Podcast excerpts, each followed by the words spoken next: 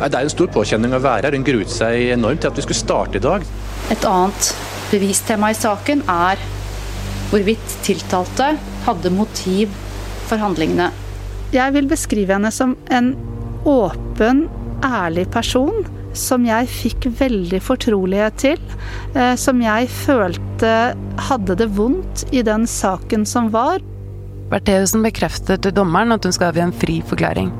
Notatene ligger foran henne i den hevede vitneboksen. Hun legger fra seg brillene, tar et dypt pust, og så er hun i gang.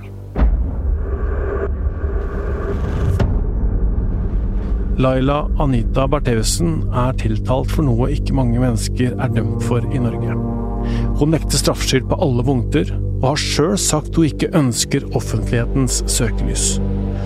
Nå er alles blikk retta mot rettssal 250 i Oslo tingrett. Hvilke bevis er det PST har?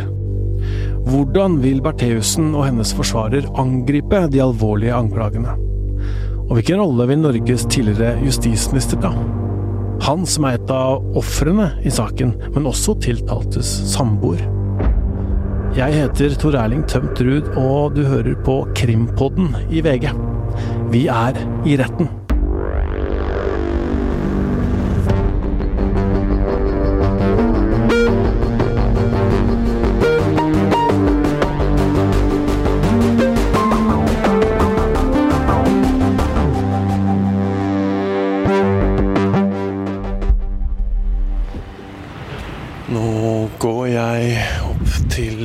Tinghuset. Klokka er snart halv åtte om morgenen. Tinghuset ligger jo rett ved siden av VG-huset her, så da møter jeg eh, Øystein der. Begynner folk å komme. Flere journalister som har kommet ut, og venter på at eh, dørene skal åpne.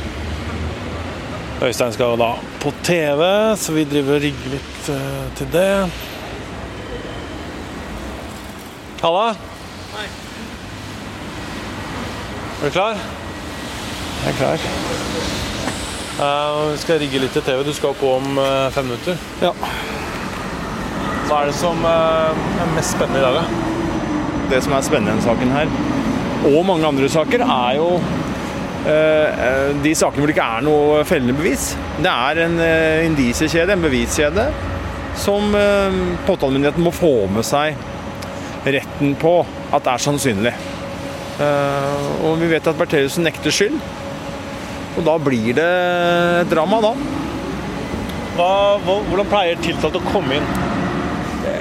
Ofte kommer jo tiltalte sammen med advokatene sine for å både for å få sikkert en moralsk støtte. Det er jo en tøff opplevelse å skulle være i retten, og det er mye oppmerksomhet. Du føler deg sikkert ganske alene hvis du kommer eh, tuslende for deg sjøl da, og derfor så er det veldig vanlig å se at advokaten er med. Det er viktig å si at man er ikke fritt vilt. Det er eh, forbudt å fotografere tiltalte på vei til og fra retten. Det er nettopp for å unngå det man så eh, tidligere tider, at det var eh, litt sånn uverdige forhold hvor journalister og fotografer kasta seg over en tiltalt som skulle gå inn. Det skal man få gjøre i fred, og derfor er det, krever det et samtykke. Og det har hun ikke gitt. Så derfor antar jeg at hun som eh, alle andre i den samme situasjonen kommer til å få gå ganske uforstyrra inn her. Men eh, man vet jo samtidig at alle øynene er retta mot seg. Da går du og rigger opp til TV. Det er jo litt styrete. Skal vi på nå? Og Øystein Millie, du har jo omtalt denne saken som helt unik i norsk rettshistorie. Hva er det som gjør denne saken så spesiell? Nei, Det er jo at det sitter en eh, samboer til en mann som tidligere var justisminister. Han var justisminister da disse forholdene som vi snakker om skjedde, og det er jo helt spesielt. Eh, PST mener altså at hun står bak Mens disse Millie preiker på VGTV, går jeg tilbake til VG-huset for å følge saken på en skjerm. Pga. koronafaren får vi ikke være så mange i rettssalen.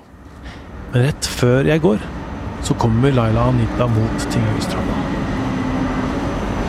Og der kommer Bertheussen sammen med Jon Christian Elden og Tor Mikkel Wara. Han har også med seg sin bistandsadvokat Ellen Ola Ramnes. Bertheussen med en svart uh, munnbindmaske. og fotografene tar bilder av Vara, ikke av uh, Bertheussen, selv om de står uh, ganske tett her. Så må de stoppe da for å sprite hender og stå i kø for å komme inn uh, i tingretten. Det er faktisk ganske rolig inne i rettssalen. Aktoratet er kommet og vært der en god stund, men på forsvarerrekka har det ikke kommet noen enda. Enda nå er det snart bare fem minutter til vi skal begynne. Jeg har holdt øye med bakdøren til høyre for dommerne, for det er der tiltalte pleier å komme inn. Ane Hem er avistegner og tegner for VG under rettssaken. Det er ikke lov å ta bilder eller filme tiltalte uten samtykke, men å tegne er lov. Ane har et ekstra godt øye for detaljene i en rettssal, og hun blir våre øyne i rommet. Plutselig kommer hun inn hovedinngangen. Hun går kjempefort, som om hun har det veldig veldig travelt. Hun går bort til skranken der hun skal stå.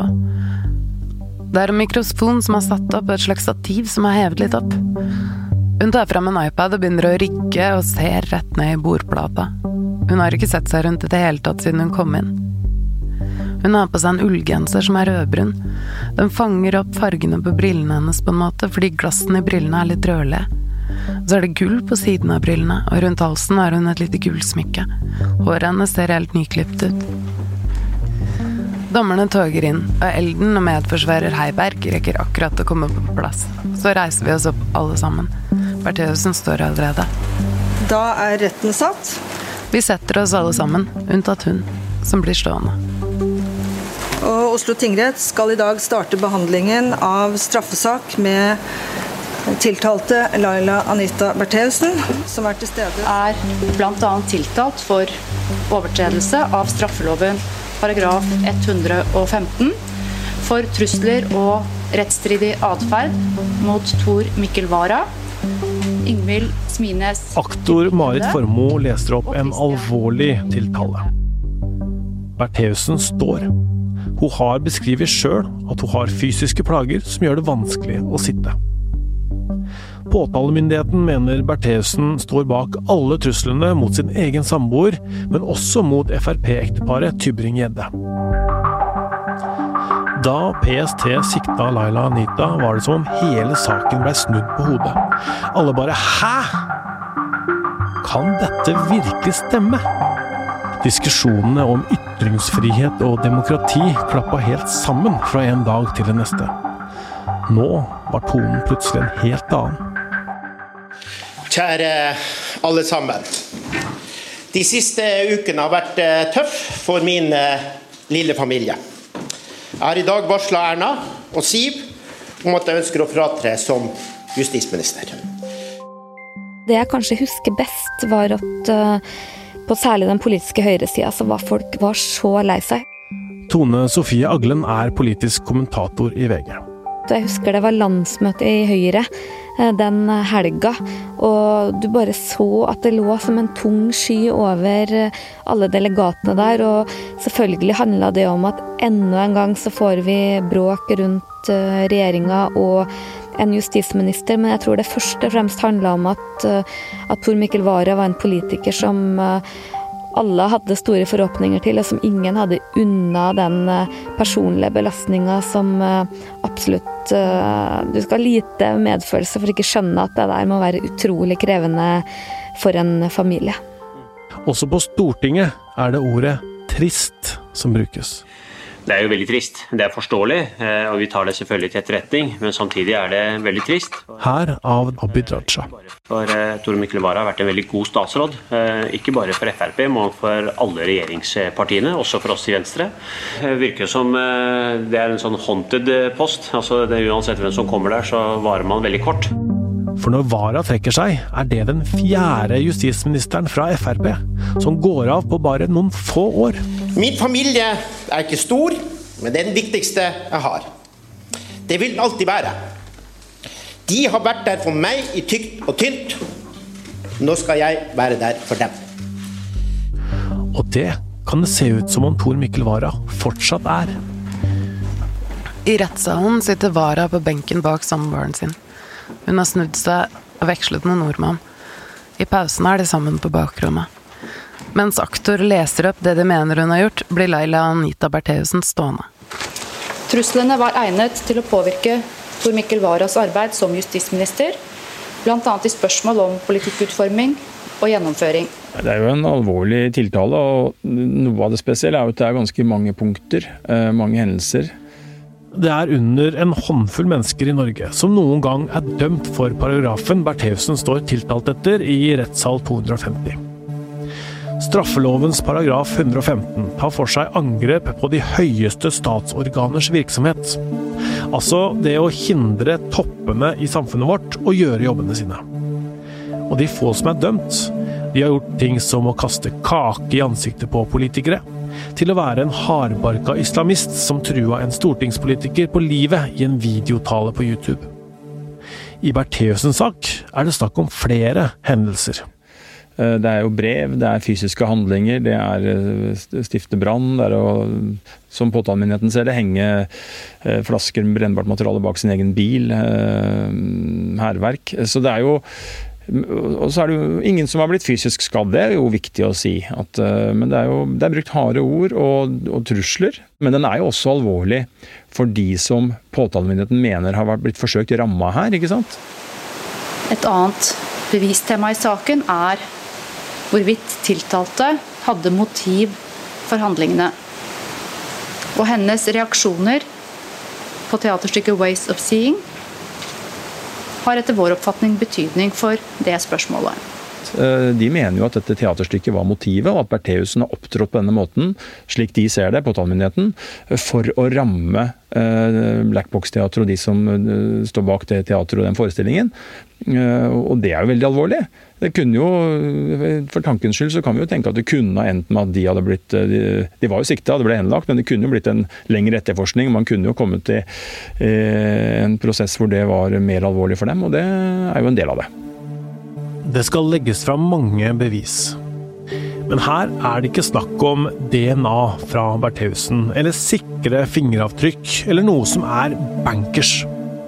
Det mest håndfaste de har, er frimerker, en tusj, brev, en printer og andre sånne ting som er funnet hjemme hos Bertheussen. Spørsmålet er om det er nok til en dom. Retten må jo være med på den reisen politiet legger til rette for her. Nemlig at et samla bevisbilde, moment etter moment etter moment, skal peke i én retning med så stor tyngde at du får en dom mot henne. Og Hvis du ikke gjør det, da vil jo mange si at det er en skandale. Da har, da har man altså felt en justisminister på et grunnlag som eh, viser seg å ikke holde til en domfellelse. Og da, da, kan vi jo bare tenke oss hvilken eh, oppvask og hvilken kritikk som vil komme mot påtalemyndigheten og mot PST. Samtidig så vil jo politiet og påtalemyndighet si at men vi kan ikke ta det hensynet. Vi kan ikke la andre regler gjelde for Laila Nita Bertheussen når det gjelder strafferetten fordi at hun er samboer med en justisminister. Det vil også bli feil. Så det er veldig mange nyanser ved denne saken som er helt eksepsjonelt eh, og helt veldig spesielle.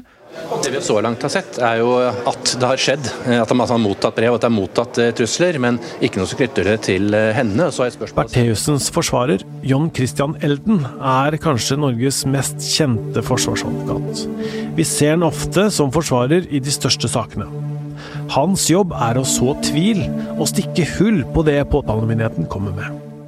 Vi har særlig merket oss et intervju som den nåværende politidirektøren ga da hun tiltrådte som direktør og sluttet som sjef for eh, PST, hvor hun bl.a. ga uttrykk for at dette var en svært vanskelig sak for PST, at hun ikke sov om natten før eh, pågripelsen, og at det ville være ille for PST om det skulle ende uten en tiltalebeslutning. Og det er klart at eh, Den type uttalelser sier jo noe om hvor viktig saken har vært, men det sier også noe om at som følge av det så har de snudd alle stener det er mulig å snu, og nær sagt vel så det, uten å sitte med noe mer konkrete og avgjørende bevis bevis mot eh, Bertheussen. Så vi ser på dette på mange positive måter, sett fra hennes ståsted. Hva veit vi egentlig om Laila Anita? Ikke så veldig mye. Det vi veit, er at Laila Anita Bertheussen vokste opp i Nordland, i den vesle kommunen Lødingen. Hun flytta til Oslo på 80-tallet, og etter ti år i hovedstaden møtte hun det hun selv beskriver som en kjekk mann med glimt i øyet. Det var Tor Mikkel Wara. Hun blei samboer med ham. Da hadde hun en datter fra før, og fikk en til sammen med Wara. Men hele veien har hun holdt seg borte fra søkelyset. Jeg skal bare ta bort de, så kommer jeg ut. Det er bra. Jeg vil beskrive henne som en åpen, ærlig person som jeg fikk veldig fortrolighet til. Eh, som jeg følte hadde det vondt i den saken som var, og som jeg virkelig følte med at hun var ærlig på det at hun ikke ønsket å bli fokusert på eller løftet fram i noen som helst settinger. Tone Ims Larsen var fylkesleder i Oslo Frp da den store debatten rundt teatret sto på. Hun blei provosert av at bilder av private hjem blei vist på skjermen på teaterscenen. Det var å tråkke over streken for privatlivets fred, mente hun. Eh, det første jeg gjorde, det var å legge inn et forslag om at Black Box Theater skulle fratas, eh, fratas den kommunale støtten. Og det gjorde at Larsen endte opp i debatter. Det var da hun blei kjent med Bertheussen. Jeg skulle da uh, ha en debatt, og igjen gikk vi gjennom litt av de tingene som hun hadde opplevd i dette her. Og vi hadde jo snakka mye sammen på telefon.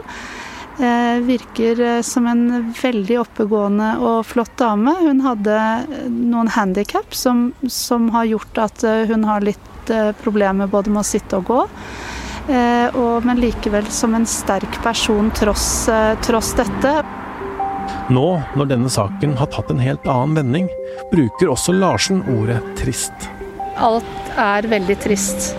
Eh, det handler litt om at, eh, at ting som, eh, som skjer og som fører til enkelthendelser i den ene eller den andre retningen, er ofte der flere er tapere.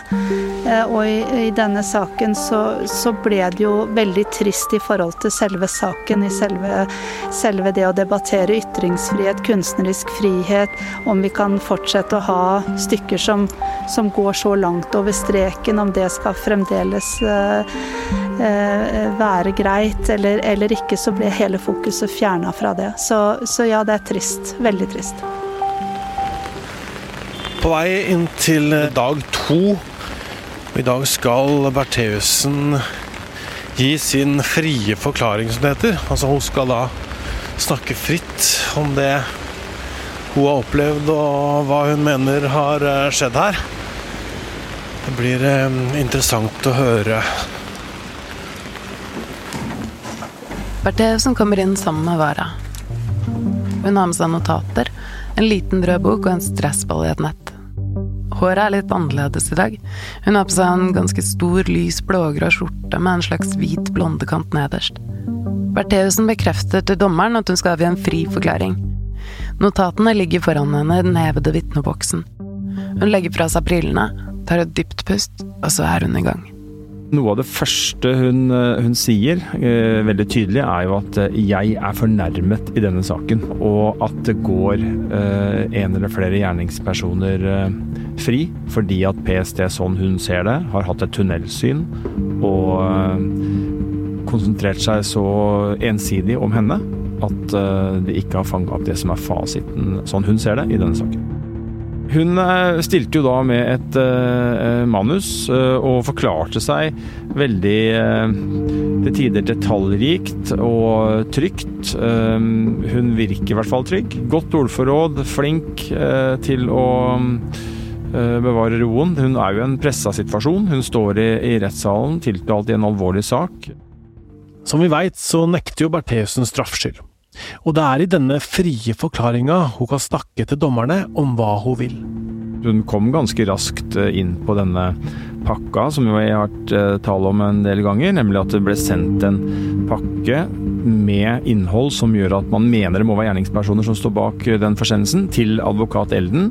Og det skjedde mens hun var i USA våren 2019. Det er jo en av de Eh, forholdene hun trekker frem, som peker i en annen retning. Eh, og så er hun veldig kritisk til PST, og hun er også veldig kritisk til dette Black Box-teatret. Det ble jo ganske annerledes eh, med en gang statsadvokat Marit Formoe tok over, og at hun var ferdig da Bertheussen med sin frie forklaring, så ble det et helt annet Det ble et skifte.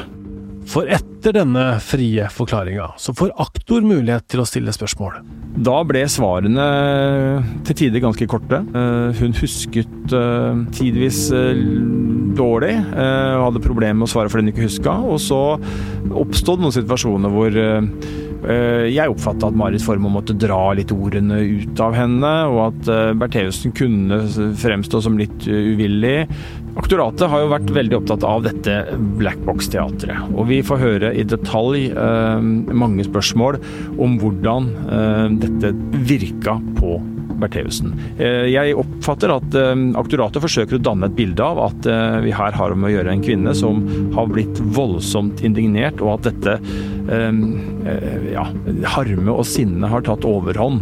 Og at hun har blitt så besatt av å kritisere dette teatret for det de har gjort, at det har opptatt mye av hennes tid og hennes tankekraft. Og at det er viktig for aktoratet å få frem, fordi at det underbygger, sånn de ser det, motivet her.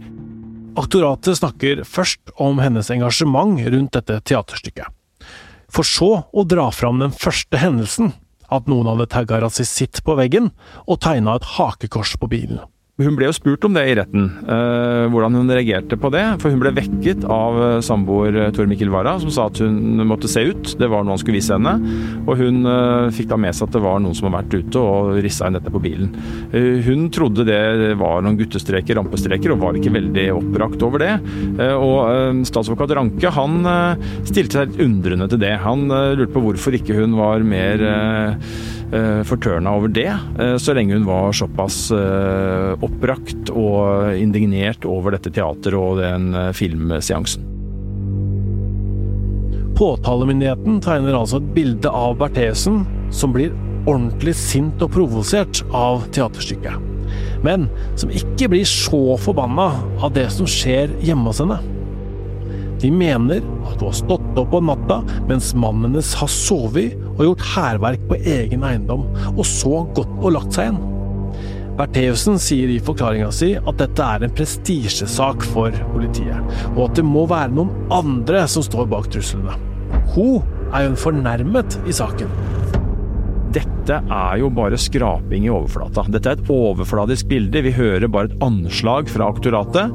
Det er nå det starter. De neste ukene skal eh, Bertheussen forklare seg i detalj rundt hver enkel hendelse. Det er jo nå aktoratet skal begynne den jobben med å bygge sten for sten og i detalj legge fram det ene beviset etter det andre og overbevise dommerne om at det er helt riktig å dømme Bertheussen i denne saken.